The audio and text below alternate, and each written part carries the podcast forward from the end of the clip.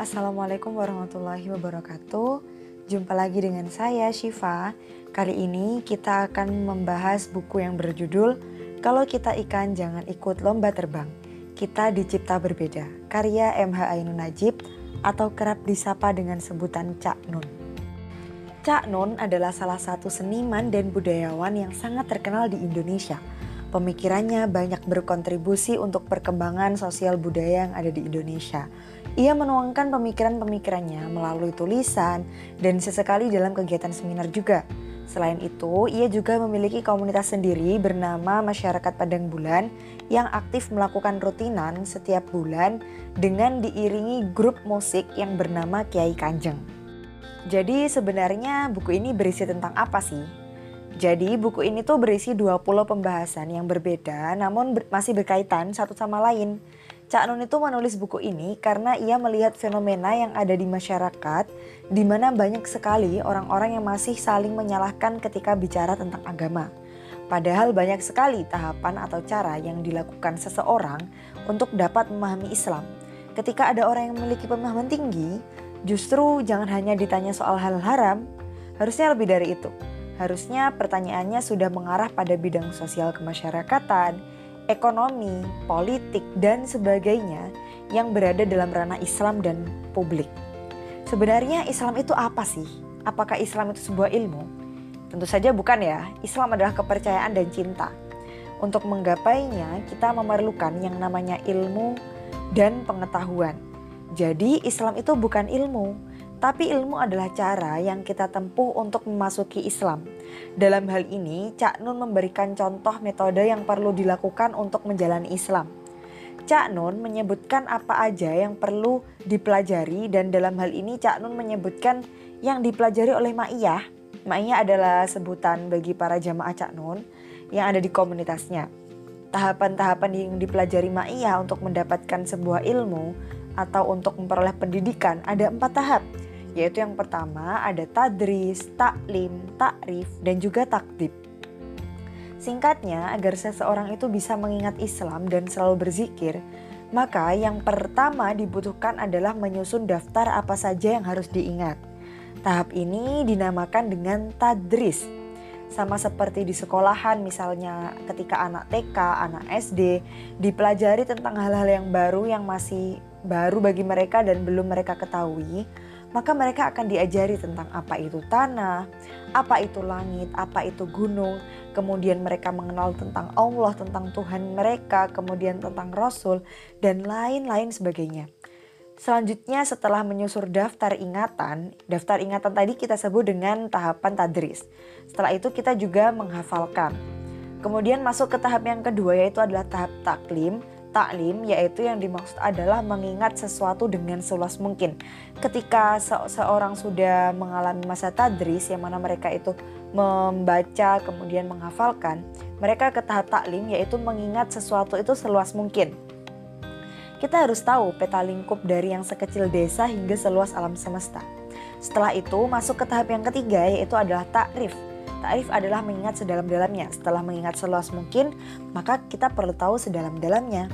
Dan setelah memiliki pengetahuan yang luas, kemudian mendalaminya, yang terakhir kita perlu lakukan adalah takdib, yaitu aplikasi dari taklim dan ta'rif. Dan pada tahap ini, seseorang akan menggapai rahman rahimnya Allah. Sekarang ini manusia modern Kenapa disebut manusia modern? Manusia modern yang dimaksud di sini adalah sebutan Cak Nun terhadap orang-orang yang ada di zaman sekarang ya. Kalau tidak tahu sesuatu itu manusia modern itu mudah menganggap sesuatu itu salah dan berujung mengejek. Padahal kan problemnya karena mereka nggak tahu, bukan karena ada yang salah gitu kan. Manusia itu juga sering mengatakan sesuatu itu ada dan tidak ada. Padahal mereka sendiri itu sebenarnya adalah sebuah ketiadaan mereka hanya sesuatu yang diada-adakan oleh Allah. Maka yang perlu kita lakukan sebagai manusia adalah mengingat Allah atau biasa disebut dalam bahasa Arab dengan zikrullah. Untuk mengingat Allah itu seperti apa? Untuk mengingat Allah, seseorang itu memerlukan kecerdasan dan untuk mendapatkan kecerdasan, seseorang itu perlu kesungguhan dalam melakukan apa pun. Kalau belajar tentang sifatnya Rasul, maka pasti kita tahu ada empat sifat yang perlu dicontohkan. Yang pertama ada sidik, kemudian ada tab, amanah, kemudian juga ada tablik, kemudian juga ada fatona. Cak Nun memaknai sidik dengan makna kesungguhan. Kalau ingin mendapatkan sesuatu, maka lakukanlah dengan sungguh-sungguh. Dan kecerdasan pun juga seperti itu, perlu kesungguhan dan ketekunan untuk mendapatkannya. Ada bab yang sangat menarik yang mungkin merupakan inti dari judul yang ada di buku ini. Babnya berjudul "Jangan Tidak Menjadi Diri Sendiri". Agar kita bisa menjadi sesuatu, maka kita harus bersungguh-sungguh karena kesungguhan itu adalah hal yang paling mendasar untuk kita mendapatkan apa yang kita inginkan. Selanjutnya, kita juga harus menjadi diri kita sendiri. Dalam arti melakukan semuanya itu dengan alamiah. Jangan sampai tergoda oleh segala suntikan atau segala hal yang instan. Karena yang instan itu dampaknya biasanya besar. Alamiah yang dimaksud tuh bukan berarti kita diam dan gak melakukan apa-apa ya. Tapi alamiah itu tetap bersungguh-sungguh dalam berproses dengan tetap berada di jalan yang seharusnya bukan jalan yang instan. Dan alamiah itu menjadi diri sendiri. Kalau misalnya ayam, jangan sampai mencoba menjadi ikan. Kalau burung ya jangan mencoba berenang. Walaupun dalam realitanya kita tuh tetap perlu yang namanya inovasi, kreativitas. Tapi semua itu ada batasnya dan kita harus mengetahui batas-batas itu. Lalu Cak Nun juga membahas tentang bagaimana agar kita selalu berbahagia. Agar kita selalu berbahagia, yang pasti Allah kuncinya. Bahagia itu bukanlah karena lingkungan kita atau kondisi atau situasi kita, tapi bagaimana cara agar kita itu dapat manage pikiran dan jiwa kita. Saya juga pernah baca di sebuah tulisan kalau misalnya ada yang menyebutkan bahwa ternyata bahagia itu adalah sebuah skill. Kenapa? Karena kalau misalnya bahagia ditentukan oleh lingkungan atau situasi atau kondisi, mungkin orang-orang yang kurang dalam harta atau orang-orang yang kurang dalam jabatan dan lain sebagainya, mungkin mereka nggak akan bahagia. Tapi nyatanya mereka tetap bisa bahagia. Maka berarti situasi, kondisi ataupun lingkungan itu bukan tidak mempengaruhi kebahagiaan seseorang. Tapi bahagia itu adalah sebuah skill yang mana kita harus bisa manage diri kita, pikiran kita, dan jiwa kita agar kita selalu bisa bahagia. Dan kita harus ingat bahwa tempat kita bergantung itu hanyalah Allah. Maka alasan apa lagi yang menjadikan kita berpaling dari Allah? Sebagai muslim, kita juga harus tahu bahwa kita itu masuk surga bukan karena amal kita, tapi karena kasih sayang Allah yang diberikan Allah kepada kita. Jadi jangan sampai salah sangka apalagi merasa hebat karena punya banyak amalan. Kadang kan orang kalau sudah merasa punya banyak amalan terus merasa yakin, wah aku pasti masuk surga gitu kan. Padahal nggak segampang atau sesimpel itu, tapi yang menjadikan kita masuk surga dan apa pun itu itu adalah karena adanya kasih sayang yang diberikan Allah kepada kita. Kemudian selanjutnya dalam sebuah bab Cak Nun itu juga membahas tentang originalitas orang Madura. Nah ini sangat menarik karena di bab ini Cak Nun membeberkan beberapa perbedaan antara orang Madura dengan orang Jawa dalam dan menyebutkan contoh lainnya dengan melihat bangsa lain. Cak Nun juga menyuruh pembacanya untuk mengenali diri sendiri. Maksudnya adalah ketika kita terlahir sebagai orang Jawa, maka juga kita harus mengenali asal kita ini, kenali diri kita, Hal ini agar kita tahu bagaimana kita harus bersikap. Karena kan setiap bangsa, setiap suku, setiap agama itu kan memiliki karakteristiknya masing-masing dan mereka memiliki responnya masing-masing terhadap sesuatu. Maka kita harus mempelajari diri kita karena kita akan tahu bahwa kita tuh memang berbeda dengan orang lain dan kalau kita sudah tahu kita berbeda maka kita akan memiliki jalan kita masing-masing dan kita nggak akan mudah saling menyalahkan. Tapi di zaman sekarang ini semuanya itu tampak disamaratakan. Pendidikan pun disamaratakan. Tujuan hidup orang juga seakan-akan telah didikte bahwa kita harus kaya, kita harus seperti ini, kita harus seperti itu. Padahal kan nggak harus seperti itu. Kalau semua disamaratakan, semua dikasih kesempatan, ya malah tambah kacau balau kan. Lalu yang sering kali diperdebatkan di kalangan masyarakat Indonesia adalah tentang musik. Kenapa karena banyak sekali yang bilang kalau musik itu haram, musik itu nggak boleh dan lain sebagainya.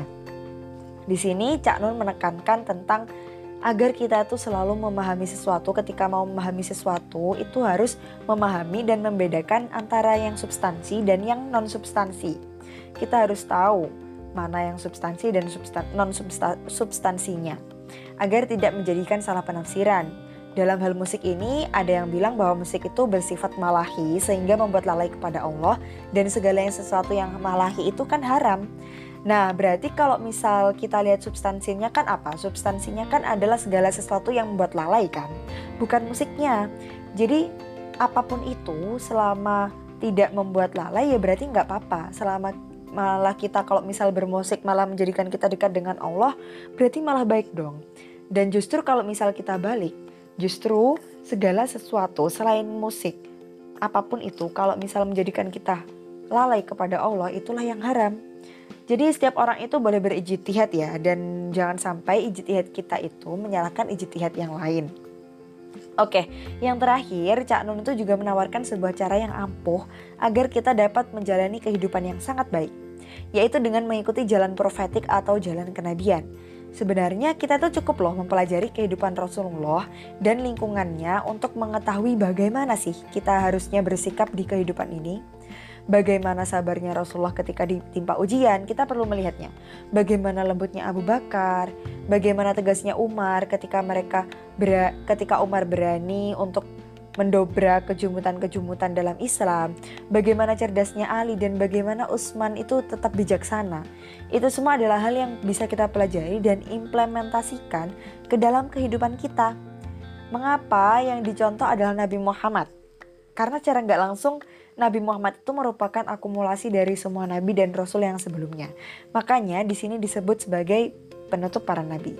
Nah, mungkin itu saja apa yang dapat saya sampaikan tentang review dari Buku yang berjudul Kalau Kita Ikan Jangan Ikut Lomba Terbang karena kita dicipta berbeda. Terima kasih dan sampai jumpa di kesempatan lainnya. Wassalamualaikum warahmatullahi wabarakatuh.